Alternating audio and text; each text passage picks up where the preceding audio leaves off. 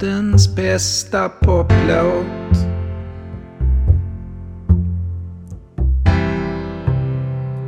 Världens bästa poplåt.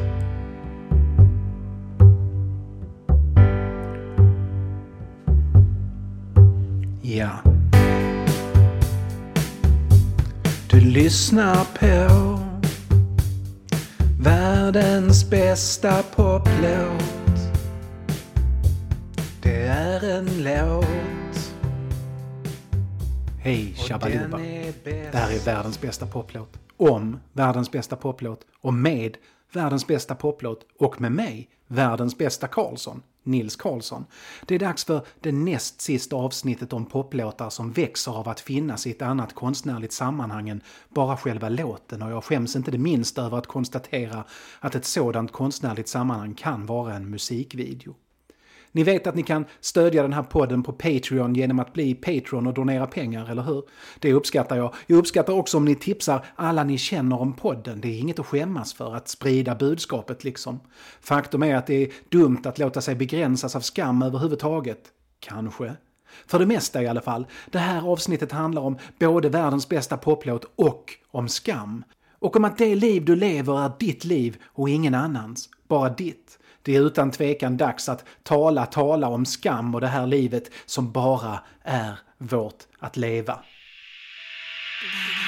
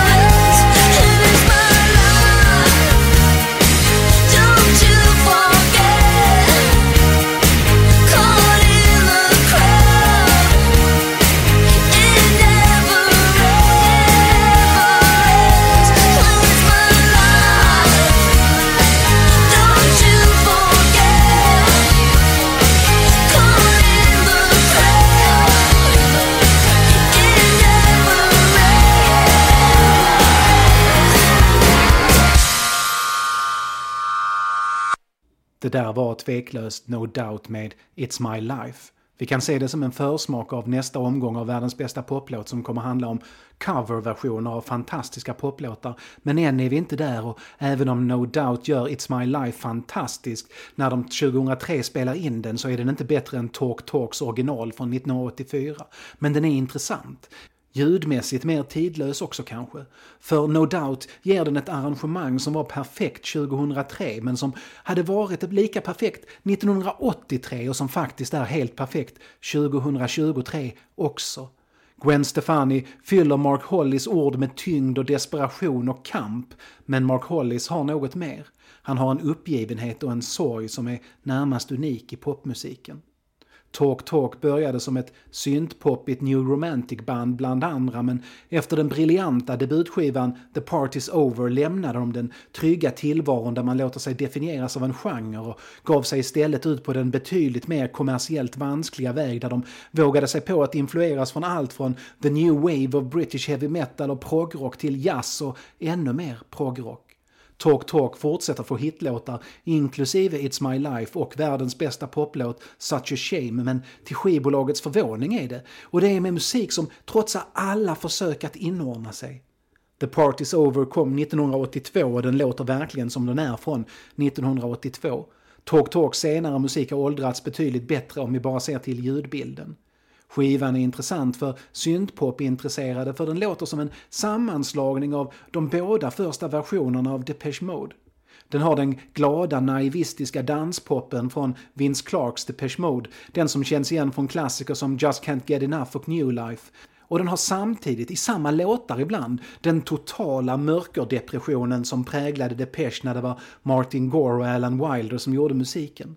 Allt som Depeche uppfann på Some Great Reward och Black Celebration finns på The Party's Over. Fantastisk titel på en debutskiva dessutom. Det började liksom med att festen var slut.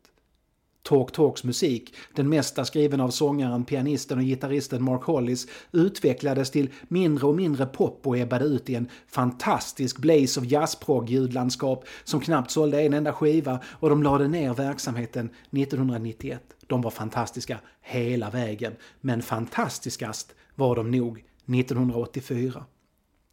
En märklig sak med oss män, pojkar, killar är att vi läser förvånansvärt lite nu för tiden. Sedan vi tillät kvinnor att lära sig läsa, något som satt väldigt långt inne i många delar av världen, har kvinnor mer och mer tagit över det där med att läsa. Det är inte så att män inte läser alls, men den typiska litteraturkonsumenten numera är en kvinna och det har barkat iväg åt det hållet ett bra tag. De flesta män läser såklart, men det dalar. Är det för att vi vill vara lite mindre allmänbildade? Är det för att vi redan är så tvärsäkra på allting? Jag har ingen förklaring. Men jag har noterat att ingen av de kvinnor jag varit på besök hos har saknat böcker men många av de män jag hälsat på inte ens haft en bokhylla. Och många av de som haft en bokhylla har använt den till att förvara Eragon eller någon annan fantasyroman de läste när de var 14. Som regissören och författaren John Waters säger, om du kommer hem till någon som inte har böcker så ligg inte med dem. Han har en poäng. Oavsett så finns det män som har bokhyllor och många män som faktiskt har böcker i dem och inte bara exotiska ölburkar eller spritflaskor från någon fest de utgår från var rolig. Böcker som faktiskt har blivit lästa. Också här finns ett mönster. Det verkar finnas böcker som på något automagiskt sätt inställer sig för tjänstgöring i killars bokhyllor. Lite beroende på ålder såklart, men visst är det goda chanser att det står en Zlatan-biografi i den där bokhyllan. Någon Stephen King-bok. På 70 och 80-talet stod där böcker av Sven Hassel eller Alistair MacLean och nu står där möjligen någon svensk noirdeckare om hur en alkoholiserad polis måste leta upp ytterligare en seriemördare som härjar på Stockholms regntyngda gator innan han mördar igen. Omgiven av idioter, står där. Härskaringen både på svenska och engelska. Är det en intellektuell man så kanske han har Ulysses av James Joyce som han minsann tänker läsa någon gång och givetvis lite facklitteratur. Han har också kvar sina universitetsläroböcker om han har läst på universitetet så att alla kan se att han har läst statistik och ekonomi. Någonstans i den där läsande mannens varumärkesbyggande bokhylla finns den. Boken. Boken som alla män har läst och inte kan göra sig av med. Boken som verkar ingå i startpaketet för alla läsande män. Tärningsspelaren.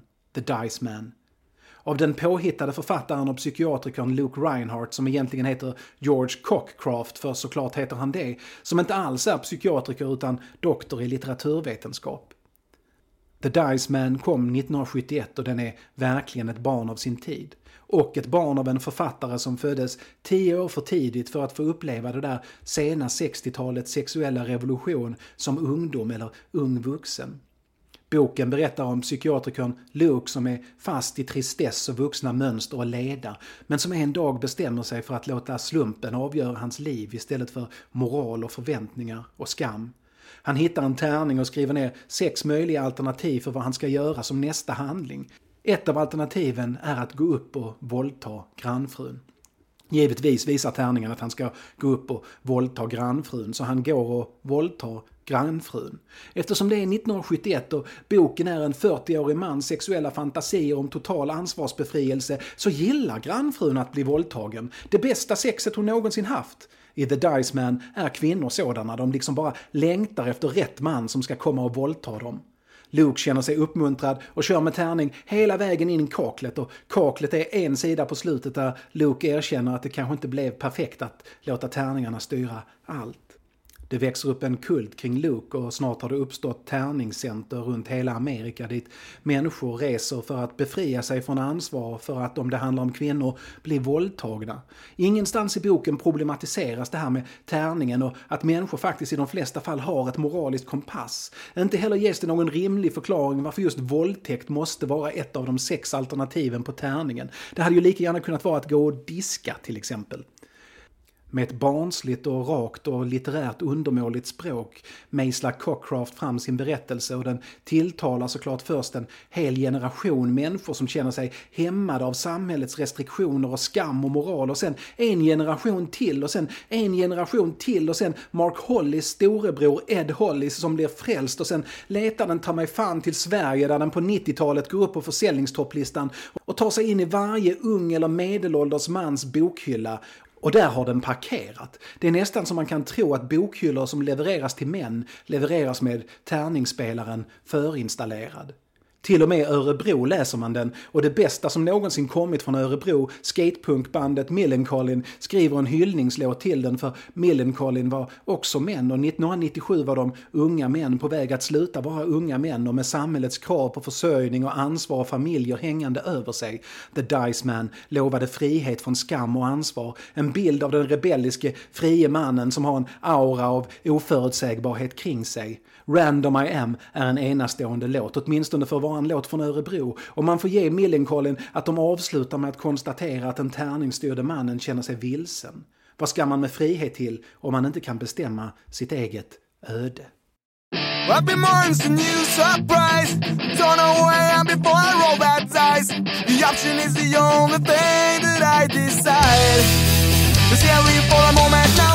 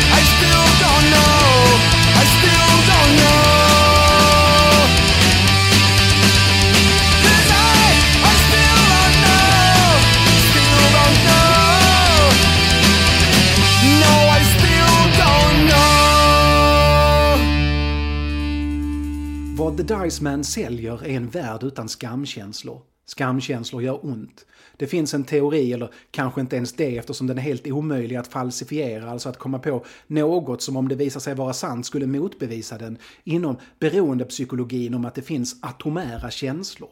Atomära känslor är känslor som inte kan beskrivas med andra känslor och sammansatta känslor består av atomära känslor. Oro kan till exempel beskrivas som att vara en blandning av rädsla och nyfikenhet, medan rädsla och nyfikenhet är atomerna. Enligt den här teorin så är skam en av de starkaste atomära känslorna. Den kan vara helt förlamande. Alla har vi någon gång känt skam och det är ingen behaglig känsla, det vet vi. Skam begränsar oss och beskrivs ofta som något som är närmast ett funktionshinder. Vår rädsla för skam hindrar oss från att bjuda ut Lotta på HR på dejt. Eller att våga försöka hoppa över plinten när klassen ser på. Den får oss att se oss i spegeln och tänka att ingen kommer gilla det där fettmonstret så jag kan lika gärna stanna hemma. Det är inte lönt att försöka skämta vid fikabordet eftersom Nisse redan får alla att skratta med sina nattsvarta betraktelser om popmusik och den senaste okynnesomorganisationen istället för att göra bort mig låter jag bli. Rädslan för skam får oss att gå med på att bli klassförälder eller får oss att avstå från den där sista kakan. Skam är begränsande. Skam gör de där teambuildingövningarna på jobb till hopplösa historier. Det är skamligt att vara osolidariskt och inte delta, men deltar du hamnar du i en situation där skam nästan är ofrånkomlig. Löser du gåtan snabbt nog, Bertil? Klättrar du klätterväggen bra, Lotta?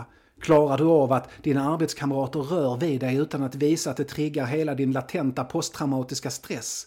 Men det är kanske det som är tanken bakom teambuilding, att en grupp som förnedras tillsammans, som känner skam inför varandra tillsammans, kommer arbeta bra tillsammans. Kanske rent av acceptera mer förnedring på arbetsplatsen nu när det är normaliserat. Rädslan för skam hindrar många av oss att njuta av våra liv och våra kroppar tillsammans eller var och en för sig. Och det finns människor som går så långt att de mördar sina egna barn för att slippa känna skam. Det vi kallar hederskulturer är skamkulturer.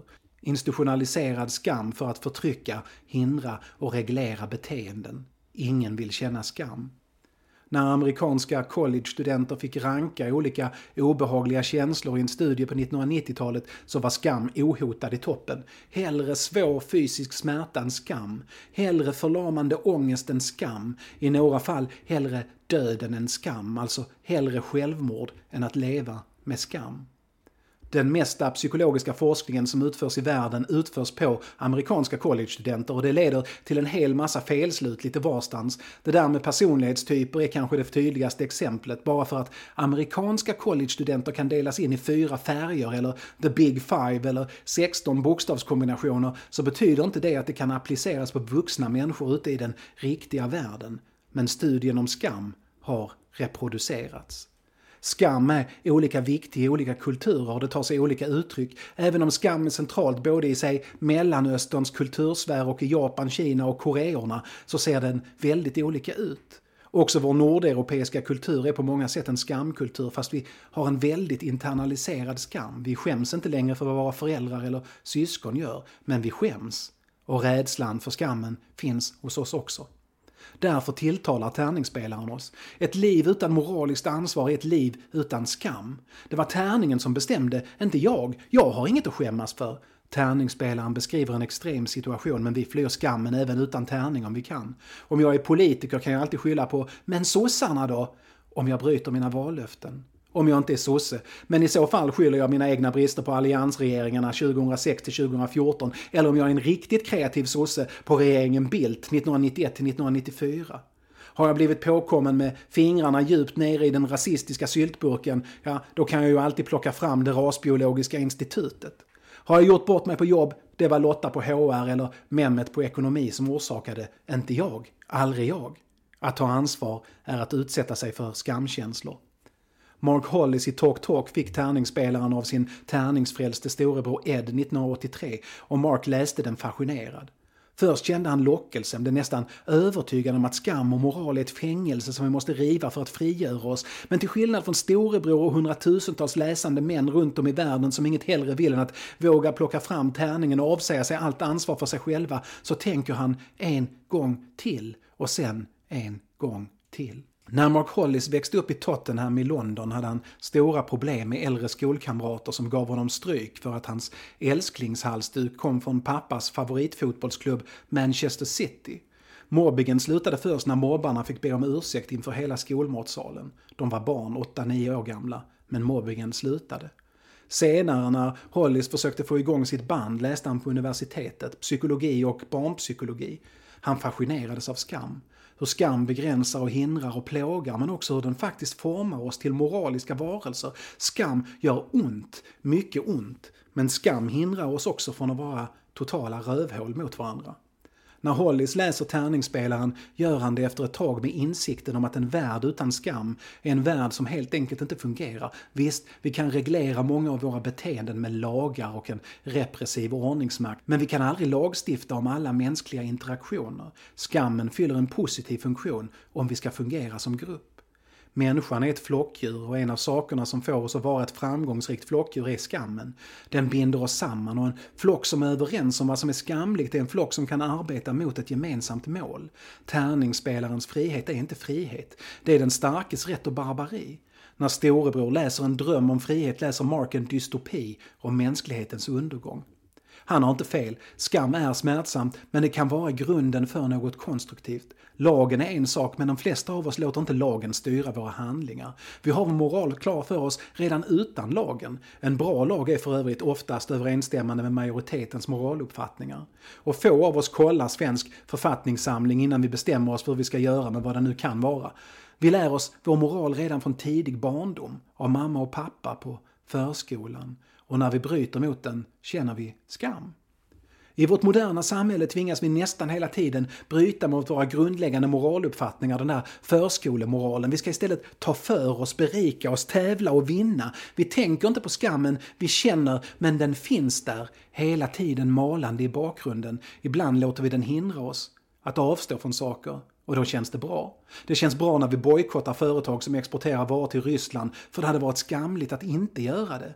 Vi borde såklart försöka konstruera en värld där vi inte behöver gå omkring och känna skam, men det är överkurs, det får bli ett annat avsnitt av världens bästa poplåt. Varför hatar vi de goda? För att de påminner oss om att vi inte är det själva.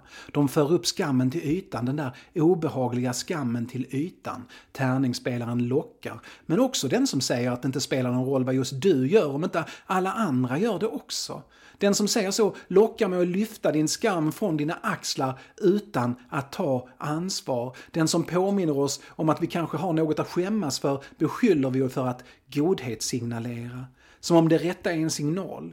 Som om den som handlar i enlighet med sina moraliska övertygelser alltid har ett underliggande motiv. Ja, det kanske hon har. Motivet kanske är att hon vill sluta skämmas. Om detta handlar Talk Talks It's a Shame. Tärningarna rullar och skammen bollas fram och tillbaka men i slutändan är det som kvarstår det att den som helt vill avskaffa skammen som står med skammen. Blir du arg på Mark Hollis, if you number him with rage, så är det såklart such a shame, men han står fast. Önskan att förändra världen genom att ta bort skam är skamligt. Videon till Such a Shame är enastående. Den bygger nästan uteslutande på Mark Hollys ansikte. Ett ansikte som han kan kontrollera med makalös precision. Och på detta ansikte utspelar sig hela låtens konflikt. Det han uttrycker med sitt minspel står oftast i direkt kontrast till det han sjunger, vilket skapar både ett obehag och en känsla av uppror. Musiken och videon tillsammans skapar ett komplett konstverk som rör om och berör och som är obehaglig. Men fantastisk. Det här är en ljudpodd så jag kan inte visa er videon, men den finns på Youtube och ni måste se den. Ska ni bara se ett konstverk i år så är det Such a Shame av Talk Talk. Hollis dog i cancer 2019 och lämnade ett stort tomrum efter sig. Cancer kan som vanligt fara åt helvete, vilket han också sa. En annan sak han sa var att han kommer hemsöka den som beskriver det som att Mark Hollis förlorade sin kamp mot cancer.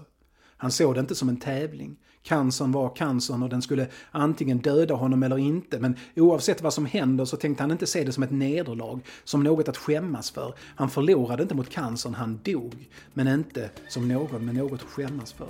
Musiken han lämnade efter sig är fantastisk, helt fantastisk. Och när det gäller musiken har Hollis verkligen inget att skämmas för, inget alls. För där, ett lysande ögonblick, var Mark Hollis bäst i hela världen.